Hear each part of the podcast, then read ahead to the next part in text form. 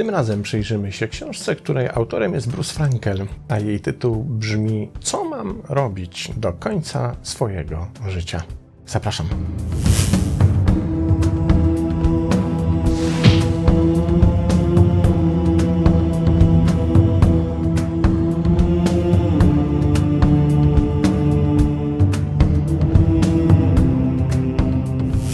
I standardowo na początek przyjrzymy się temu, kim jest autor książki. Bruce Frankel jest pisarzem, reporterem i poetą. W wieku 53 lat został współautorem bestsellera czasopisma Life, czyli książki II wojna światowa, wielka historia konfliktu w obrazkach. I zajmował stanowiska w People, USA Today i Janet Westchester Newspapers, gdzie był nagradzanym publicystą i reporterem śledczym. Mieszka w Nowym Jorku. To dość niezwykła książka, wydana w roku 2011, która tak naprawdę jest zbieżna z tym, co obecnie ustala nauka w swoich najnowszych odkryciach dotyczących naszych procesów starzenia się. Wiem, że to jest temat, który dla ludzi w wieku lat 20, 25, 30 czy nawet 40 niespecjalnie jest tematem, którym się chcieliby teraz zajmować, czy chcieliby o nim myśleć, czy też którym chcieliby w jakikolwiek sposób poznawać lub roztrząsać. Ale tak się jakoś składa, że im jesteśmy starsi, tym tego typu zagadnienia związane z tym, w jaki sposób możemy się starzeć i w jaki sposób możemy wywrzeć wpływ na te procesy, które nas nieuchronnie czekają, staje się nam po prostu bliższy. I warto zawczasu zastanowić się, co możemy zrobić, żeby ten proces przybywania lat nie był dla nas jakoś specjalnie kłopotliwy, czy też byśmy byli w stanie z tego, co nam oferuje życie, właśnie w wieku, kiedy jesteśmy już osobami starszymi, mogli skwapliwie, czy też z korzyścią dla nas zyskując jakieś określone profity, czerpać. Zacznijmy w takim razie od pierwszego cytatu. W jednym z najbardziej optymistycznych osiągnięć naszych czasów rewolucja naukowa wykazała, że mózg jest plastyczny i że to, co robimy, myślimy i doświadczamy, zmienia go przez całe nasze życie. Co więcej, fala badań potwierdziła, że nasze mózgi mogą pozostawać sprawne, podobnie jak nasze ciała, przez ćwierć wieku po 60 i coraz częściej oraz coraz dłużej.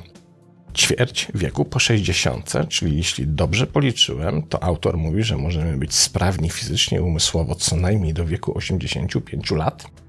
To dość rewolucyjne podejście, prawda? Czytamy dalej. Taka dobra wiadomość nie mogła nadejść w lepszym momencie. Mózg nie lubi być bezczynny, a praca jest jednym z najlepszych sposobów, aby go zająć.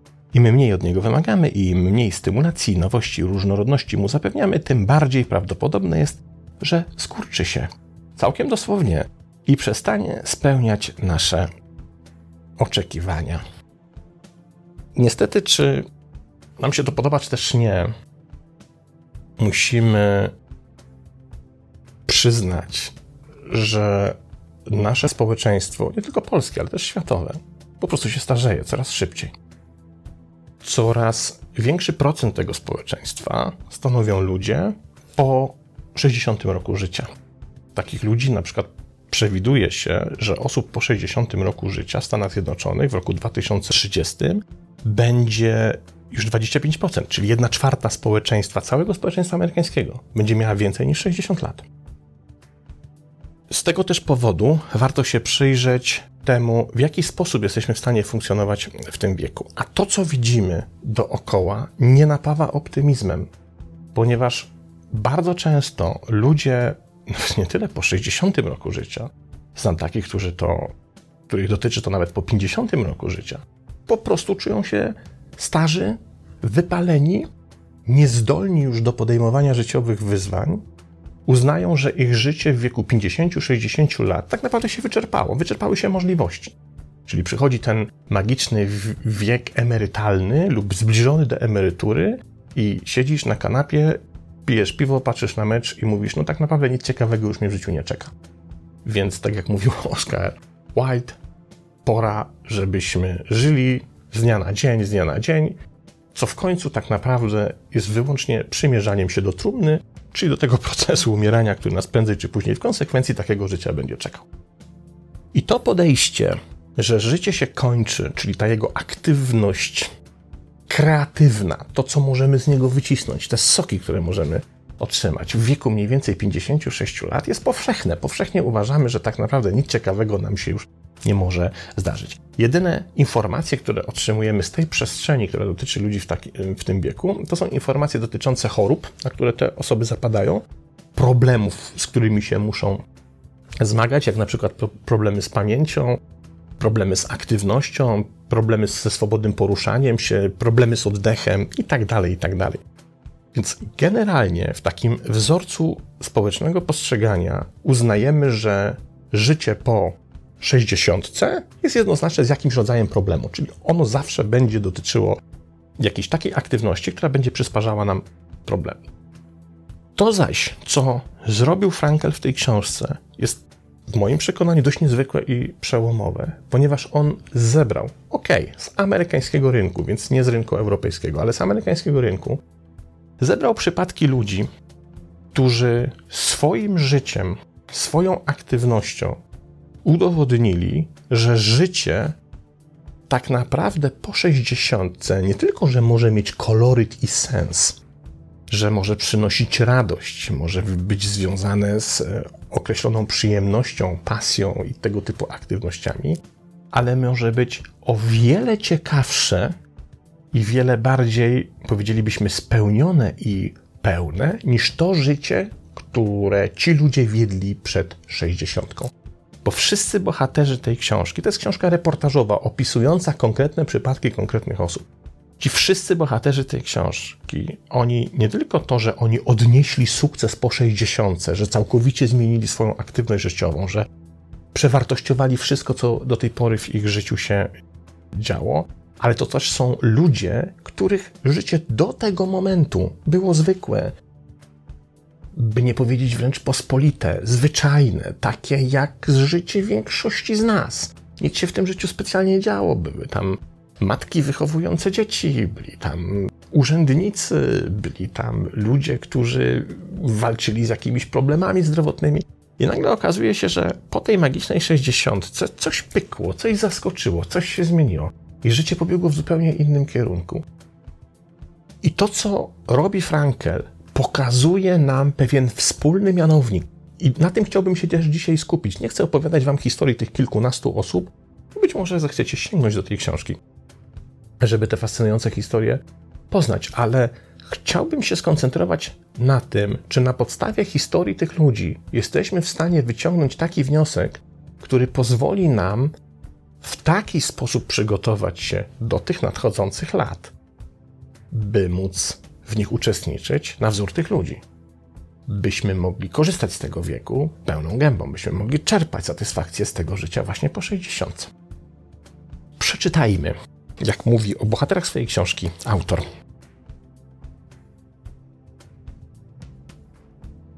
To jest książka zawierająca sylwetki ludzi, którym się udało osiągnąć sukces po 60. Żadnemu z różnych powodów nie było łatwo. Kilka kobiet z tej książki spędziło większość swojego życia jako gospodynie domowe. Mężczyźni generalnie doświadczali dość skromnych karier, które tak naprawdę bardzo chętnie i bez żalu zostawiali za sobą po przejściu na emeryturę. Jednak wszyscy oni przezwyciężyli pewne bolesne straty osobiste lub przeciwności losu. No wiecie, jak się ma 60, no to sorry, ale takie jest życie. Istnieje duże prawdopodobieństwo, że będziesz świadkiem śmierci twoich rówieśników, bo są też ludzie, którzy umierają przecież i to wcale nie mało przed 60, a zatem doświadczymy jakiejś, czy też doświadczamy jakiejś bolesnej straty lub przeciwności losu, jak pisze autor. W tym śmierci dzieci, małżonków, rozwodów, chorób i ruin kariery. Zmierzyli się z uprzedzeniami związanymi z wiekiem, rasą i płcią. Nikt z nich przed sześćdziesiątką, i tu uwaga, nie delektował się uznaniem, satysfakcją i spełnieniem, jakie dopiero spełnienia, satysfakcje i uznania pojawiły się ich w życiu po sześćdziesiątce. Od tej chwili, kiedy coś magicznego się w, im, w ich życiu wydarzyło. I teraz jakie to są historie? Dla wielu z nich ich osiągnięcia powstawały spontanicznie, jak w przypadku kamiennego rzeźbiarza, to akurat emigrant z Polski, Teodora Ludwiczaka, to w ogóle niesamowita historia, który niczego wcześniej nie wyrzeźbił przed właściwie 70 rokiem życia, zanim pewnego letniego dnia, przechadzając się nad rzeką, wyciągnął z tej rzeki, dokładnie z jej brzegu, dość solidny kamień. I ten kamień przypominał mu głowę. Więc kolega Teodor Ludwiczak zataszczył ten kamień do jakiegoś swojej szopy, do swojego garażu i zaczął rzeźbić młotkiem, okuwając ten kamień, żeby wyszła z tego głowa troszeczkę na wzór głowy wielkanocnej z Wysp Wielkanocnych. I nagle się okazało, że ta rzeźba się spodobała, więc Polas znalazł kolejny kamień, kolejny kamień, kolejny kamień. I nagle minęło rok, dwa, trzy, ludzie się dowiedzieli o tych jego rzeźbionych kamieniach i zaczęli kupować te rzeźby. I te rzeźby nagle trafiły do niesamowitych muzeów, do galerii artystycznych w Nowym Jorku. I facet po 70, gość, który znalazł kamień w rzece, nagle stał się rozpoznawalnym, nieprawdopodobnie wziętym i drogim rzeźbiarzem. Cudowna historia. Albo pani Naomi Wilzik, której pasja rozwinęła się dopiero po otrzymaniu od syna prośby o znalezienie mu dzieła sztuki erotycznej. Kolejna historia. Wyobraźcie sobie panią emerytkę, która jedzie do jakiejś Tajlandii czy jakiegoś innego egzotycznego kraju i jej syn jej prosi, przynieś mi taką jakąś statuetkę najfajniej erotyczną, bo ja zbieram takie statueczki erotyczne i rzeźby tego typu i tego rodzaju.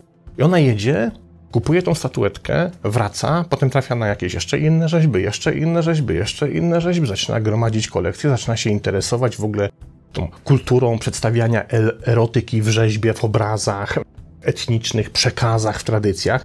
I dzisiaj ta kobieta jest właścicielką największego muzeum sztuki erotycznej w Stanach Zjednoczonych, które codziennie jest odwiedzane przez tysiące osób. Emerytka, której uznalibyśmy, że jej życie właściwie już właśnie to, co najciekawsze się już dawno w tym życiu wydarzyło. Dalej mamy mm, kolejnego gościa, Thomas Dwyer, który przeszedł na emeryturę z kariery w wywiadzie rządowym. I to nie był jakiś tam, wiecie, szpieg. No gościu, który siedział przy biurku, po prostu pracując w jakiejś agencji wywiadu rządowego. I tenże tak naprawdę urzędnik, kiedy już był na emeryturze, nagle zobaczył w telewizji taniec nowoczesny. I słuchajcie, i temu 60 kilkulatkowi się to tak spodobało, że zapisał się na taniec nowoczesny. Nagle się okazało, że on ma w tym tańcu nieprawdopodobny dryk. Słuchajcie, dzisiaj ma 70 chyba 8 lat, dalej tańczy i jest rozchwytywanym tancerzem przez najbardziej znamienitych nowojorskich nie tylko choreografów, bo nagle się okazuje, że on w tych ruchach ma coś takiego niesamowitego, co powoduje, że ludzie chcą tego gościa oglądać. Każda kolejna osoba opisywana w tej książce pokazuje, że właśnie po 60 to życie może się zmienić w sposób niewiarygodny. Ale zostawmy te przypadki. Spróbujmy się skupić na tym, co je łączy. Czy jest jakiś wspólny mianownik, coś, jakaś wiedza, z której moglibyśmy i my skorzystać, oddzielając to, co istotne w myśleniu o naszym procesie starzenia się, od tego, co nieistotne. I jednym z pierwszych tropów, który podaje nam autor książki, jest e, jego rozmowa z jedną z bohaterek jednego rozdziału, Virginią Marsh Bell z Lexington, którą autor tej książki spotyka, kiedy Virginia ma już 85 lat. Robi nieprawdopodobne rzeczy, wykłada, ćwiczy, w ogóle przemierza świat w poszukiwaniu przedziwnych przygód, które potem dokumentuje na filmach. I kiedy autor spotyka tą po raz pierwszy tą Virginię, to wspomina to spotkanie w sposób następujący. Kiedy po raz pierwszy rozmawialiśmy, Virginia miała 85 lat. Niedawno wróciła z przemówienia w Bejrucie w Libanie, po czym codziennie rano kontynuowała intensywne ćwiczenia aerobiku o 6 rano, każdego ranka. I kiedy z nią rozmawiałem, właśnie zaczęła studiować teorię strun. I on jej teraz pyta, ale dlaczego teoria strun? I ona odpowiada, ponieważ klucz znajduje się w tym, by pocić nie tylko ciało, ale też mózg. I tu mamy pierwszą przegenialną wskazówkę. Jeśli chcemy, by nasze życie po 60, po 70, a może nawet i po 80 było życiem w pełni sprawnym, w pełni również spełnionym, ciekawym, fascynującym, to musimy zacząć przygotowywać nasz mózg do tego, że on musi mieć stałe ćwiczenia, on się musi stale pocić. Po czym autor przedstawia cały szereg badań, które to dokładnie udowadniają. I mówi coś takiego. Neuropsycholog Goldberg twierdzi, że mądrość może być wynikiem procesów poznawczych zachodzących w mózgu w miarę starzenia się. W paradoksie mądrości, czyli mamy tutaj teorię, która nazywa się paradoksem mądrości, zauważa, że rozpoznawanie wzorców jest podstawowym sposobem uczenia się, więc wraz z wiekiem my gromadzimy szablony po prostu do rozpoznawania większej ilości wzorców. One z kolei pozwalają na stosunkowo szybkie i łatwe podejmowanie decyzji. Podejmowanie decyzji wydaje się intuicyjne, ale w rzeczywistości jest wynikiem wstępnej analizy skompresowania i skrystalizowania. Starzenie się, pisze Goldberg, jest ceną, jaką musimy zapłacić za gromadzenie wzorców mądrości. I to wydaje się logiczne. Im starsi się stajemy, jeśli oczywiście pocimy mózg, bo to jest klucz, tym więcej wzorców kognitywnych jesteśmy w stanie w tym naszym mózgu zgromadzić.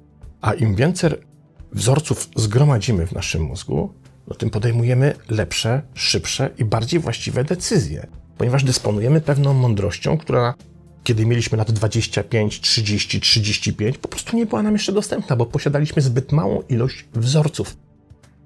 Jeśli zaś ten mózg będziemy utrzymywali w formie i w kondycji, no to przez bardzo długie lata będziemy mieli po prostu dostęp do tych wzorców zgromadzonych przez całe nasze życie. Kolejna rzecz, o której tutaj pisze autor, mówiący o wielu badaniach, które miały miejsce i dotyczyły właśnie okresu starzenia się. Przecudowna rzecz. Doktor Marian Diamonda i jej koledzy przez 40 lat badali rozwój mózgu szczurów w wzbogaconych i w zubożałych środowiskach. I teraz tłumaczymy o co chodzi z tym wzbogaconym i zubożałym środowiskiem. Aby stworzyć wzbogacone środowisko, do klatek szczurów wkładano zabawki. Okazało się, że te szczury mają więcej połączeń w mózgach niż szczury trzymane w pustych klatkach. Co więcej, pani doktor Diamonda podczas wizyty w Japonii zauważyła, że tamtejsze szczury laboratoryjne żyją znacznie dłużej niż te, z których korzystała w swoich eksperymentach behawioralnych w jej własnych laboratoriach. Od razu mówię, nie chodzi tu o robienie krzywdy szczurom. Eksperymenty behawioralne badają zachowania szczurów, a nie to, czy szczur jest odporny na jakąś tam szczepionkę czy lek. Odkryła więc, będąc w Japonii, że na wydłużenie życia szczurów ma wpływ, uwaga, dotykanie i głaskanie, zamiast pozostawiania ich nietkniętych w klatkach. Po prostu Japończycy nie tylko eksperymentują na szczurach, ale również się nimi opiekują. Głaszczą, dotykają, karmią, bawią się nimi i te szczury dłużej żyją. Coś nieprawdopodobnego. Stąd wniosek pani dr Diamonda. Otaczanie się bogatą ilością bodźców potrzebnych do życia pożytecznego może oznaczać przeżycie pełnych 100 lat. Ponadto pani doktor wymienia pięć zdroworozsądkowych elementów wspierających rozwój neurologiczny w miarę starzenia się. I to jest ten klucz, ten mianownik, od którego zacząłem na samym początku, czyli taki drogowskaz, a właściwie pięć drogowskazów, które powodują, że dzięki nim możemy naszą starość przeżyć zupełnie inaczej. Pierwsze dieta. Zdrowa dieta. Czy się Wam to spodoba, czy też nie? Niestety, bezmięsna. Ta na stare lata jest dla nas po prostu najzdrowsza. Ćwiczenia. Pani doktor mówi, że idealnie byłoby godzinę dziennie. To wtedy jest w ogóle rewelacja. Otaczanie się wyzwaniami, czyli stawianie sobie zadań, wyznaczanie sobie pewnych rzeczy do spełnienia, nad którymi pracujemy. To są wyzwania, które stawiamy naszemu mózgowi. Otwarcie na nowości nowe pomysły, nowe doświadczenia, nowych ludzi, nowe środowisko, nowe bodźce. I w końcu miłość wyrażona poprzez, tu też uwaga, ciepły i chyba ważne, nieseksualny dotyk. Czyli ta, taki dotyk, który nie ma podtekstu seksualnego, w którym jest jedynie czułość i miłość. I te pięć rzeczy są nam w stanie bardzo w życiu na starość pomóc. O czym świadczy życie sami, samej pani doktor, która ma obecnie 82 lata, i nadal wykłada i uczy. I każdej zimy podróżuje do Kambodży, aby pracować z dziećmi w ramach programu rozwoju neuronalnego w zubożałym sierocińcu prowadzonym przez mnichów buddyjskich. Pani doktor przez 5 dni w tygodniu, codziennie o 5.45 rano w Berkeley Hearst Pool zalicza kilkanaście basenów, bo jak mówi, powietrze jest lodowate, ale woda przepyszna. Książka obfituje w badania pokazujące, jak ważne jest to, byśmy im starsi jesteśmy, tym bardziej pilnowali właśnie tych wskazań, w jaki sposób żyć, w jaki sposób egzystować, czym i kim się otaczać, jakie wyzwania przed sobą stawiać i jak pocić mózg. To pocenie mózgu wraz z poceniem ciała dopiero daje ten konglomerat, który powoduje, że prawdopodobieństwo osiągnięcia spełnienia wieku, być może nawet 85 lat, jest po prostu możliwe, jeśli nie zwali nas z nóg jakieś przypadkowe, niezależne od nas choróbsko, czego nigdy przecież nie możemy przewidzieć. Ale jeśli tak się nie stanie, jeśli uda nam się przez, przed tym ustrzec, to tylko i wyłącznie naszą pracą i naszą konsekwencją życia w ten określony sposób możemy zapewnić sobie fantastyczną drugą część naszego życia. Jak się okazuje, w przypadkach opisywanych przez autora, potrafiącą być daleko ważniejszą od części pierwszej. Fantastyczna książka, bardzo Wam polecam. Książka ukazała się w Stanach Zjednoczonych w roku 2011. Autor Bruce Frankel. Co mam zrobić do końca życia? Fantastyczna lektura, napawająca sporym optymizmem, a tego nam przecież w ostatnich czasach niezwykle potrzeba. To tyle. Do następnego razu.